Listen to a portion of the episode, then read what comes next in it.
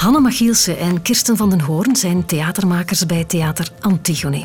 Als theatermaker, speler, schrijver moet je opmerkzaam zijn. Moet je goed kunnen kijken naar mensen om je personage vlees te geven. Moet je kunnen voelen en invoelen om je personage ziel te geven. En moet je kunnen luisteren om meer te horen dan de woorden. En bij elke nieuwe aflevering van Stemmen uit de Stad denk ik, wat doen ze dat goed? En Kamer zal het met mij eens zijn. En zeker ook haar mama, die je op de opname zachtjes hoort gniffelen op de achtergrond als ze iets treffends hoort over haar dochter. Stemmen uit een stad.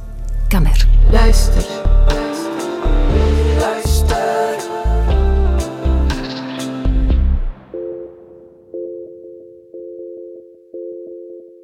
Dit is Stemmen uit een stad. Wij zijn Kirsten van den Hoorn en Hanne Machielsen. Voor Theater Antigone gingen wij in volle coronatijd luisteren naar mensen. Hun eerlijke, mooie en hoopvolle verhalen hoor je hier. Dit is Kamer. Mhm, want één keer had hij wel heel veel, 50 kilo of zoiets. En daar slaapt hij wel beneden. Maar soms, bijvoorbeeld als zo, uh, iets van 10 kilo blijft of zo, slaapt hij wel boven. Maar letten we wel een beetje op. En Kamer praat graag. En één keer was het zo, um, ik had een beste vriendin op school. Heel graag. Die woonde bijvoorbeeld, ik woon hier en ze woont gewoon aan de overkant. En dat is helemaal prima. En, um, Je mag het van mij aannemen. We zouden allemaal eens naar Kamer moeten luisteren. Dus, ik heb een tekst geschreven. Beetje spannend. De bel werkt niet. Maar dat vinden ze hier niet erg. Overdag staat de voordeur open. Op een kiertje. Onverwacht bezoek roept dan maar gewoon hallo onderaan de trap. En dan verschijnen de hoofdjes die thuis zijn vanzelf om het hoekje. En meestal is het het kleinste hoofdje van de familie daar eerst. Gitzwarte haartjes in een staartje bovenop, twee grote heldere ogen en een schaterlach. Sham is drie jaar. Meteen daarna volgt Kamer. Met ogen net zo blinkend en nieuwsgierig als haar zusje, maar toch een beetje bezorgder. Of misschien gewoon ouder en slimmer. Kamer en Sham zijn twee handen op één buik. Kamer is elf jaar en gaat naar het vijfde leerjaar. Ze is net van school veranderd en het is daar super. Hier om de hoek met veel vriendinnen en een leuke juf. Haar twee broertjes gaan daar ook en kleine Sham ook van zodra er plek is. Een stil stemmetje heeft ze en ze plukt af en toe verlegen aan haar mouw. Kamer denkt graag na voor ze iets zegt. Tot het over haar papa, Turkije of school gaat. Dan is ze niet te stuiten en tatert ze een enthousiaste spraakwaterval. We zitten in het salon, elk in onze eigen zetel, want hier staan wel vijf zetels. Allemaal in een cirkel, de hele kamer rond. Plek voor iedereen die hallo komt roepen aan de voordeur. Op de salontafel heeft mama alles klaargezet. Een schaal vol fruit, mesjes, bordjes, een coronaproef kommetje chips en een flesje multivruchten voor elk van ons. Ze wonen hier nu twee jaar. Daarvoor een jaar in een kamp in Antwerpen, zegt Kamer, en daarvoor twee jaar in Turkije. Aan die tijd in Turkije denkt ze vaak terug. Ze mocht daar naar school. Ze hadden daar een groot huis waar ook hun oma af en toe woonde. Hun papa verkocht watermeloenen langs de kant van de weg en de natuur daar is prachtig. Kamer houdt van natuur. Gelukkig woon ik niet aan de zee, want dan zou ik daar de hele tijd in willen zwemmen. Waarom het oorlog is in Syrië, weet ze niet goed. Het heeft iets te maken met een heel rijke man die veel geld wil afpakken van mensen en die iedereen wil zeggen wat ze wel of niet mogen doen.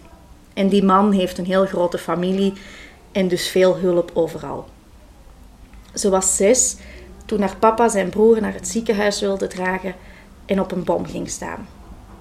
Hij verloor zijn rechterbeen en zijn linkervoet en ze moesten het land uitvluchten. Heel veel meer herinneringen aan haar geboorteland heeft ze niet. Ze praat liever over Turkije en haar school in België. De natuur daar is supermooi en haar lievelingsvakken zijn spelling en Frans. Kamer spreekt wel vier talen nu. Of bijna vijf, want dankzij YouTube kent ze ook al wat Engels. En ze wil nog meer talen leren.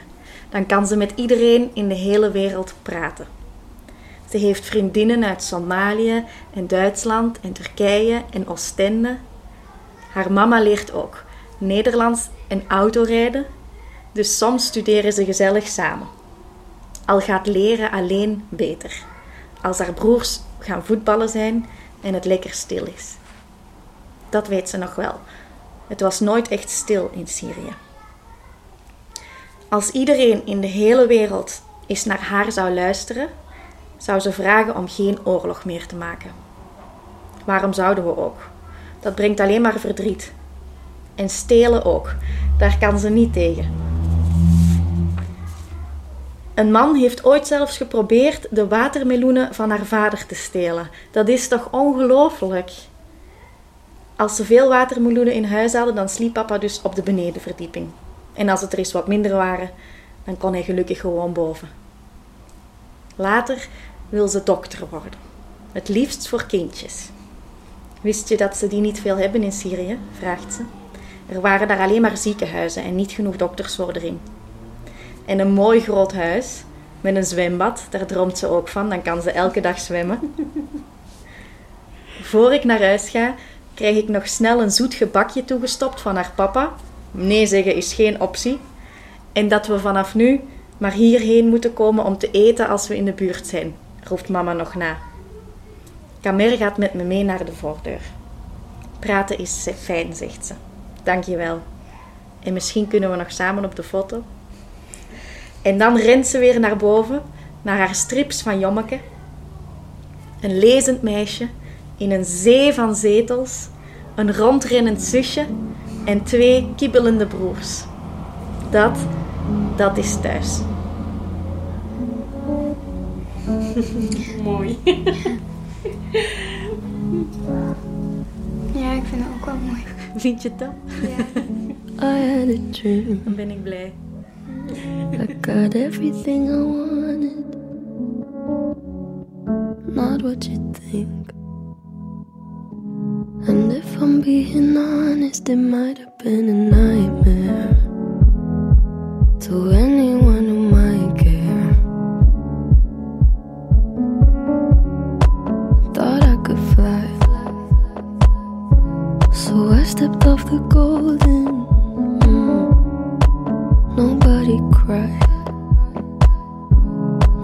Nobody even noticed. I saw them standing right there.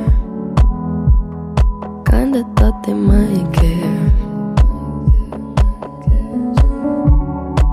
I had a dream. I got everything I wanted. But when I wake up, I see you with me. And you say, as long as I'm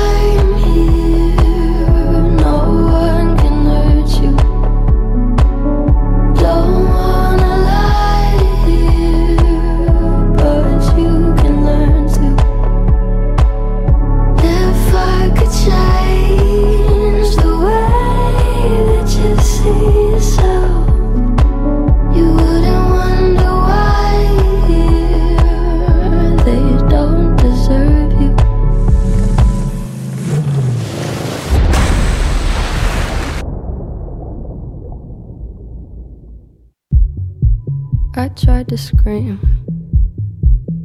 but my head was underwater. They called me weak. Like I'm not just somebody's daughter, it could have been a nightmare.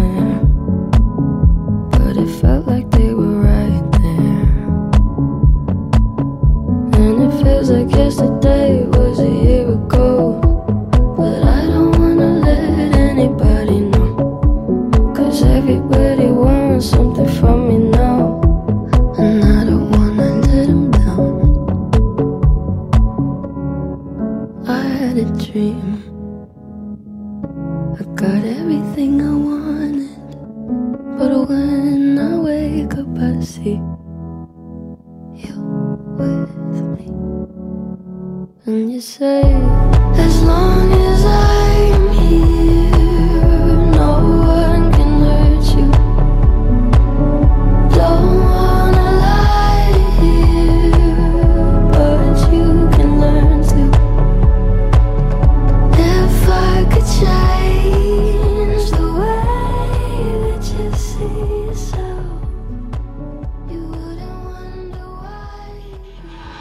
Je kon luisteren naar Stemmen uit een stad, een podcast van en door Hanne Machielse en Kirsten van den Hoorn. Montage en muziek door Niels van Herpen. Het is een productie van Theater Antigone. Luister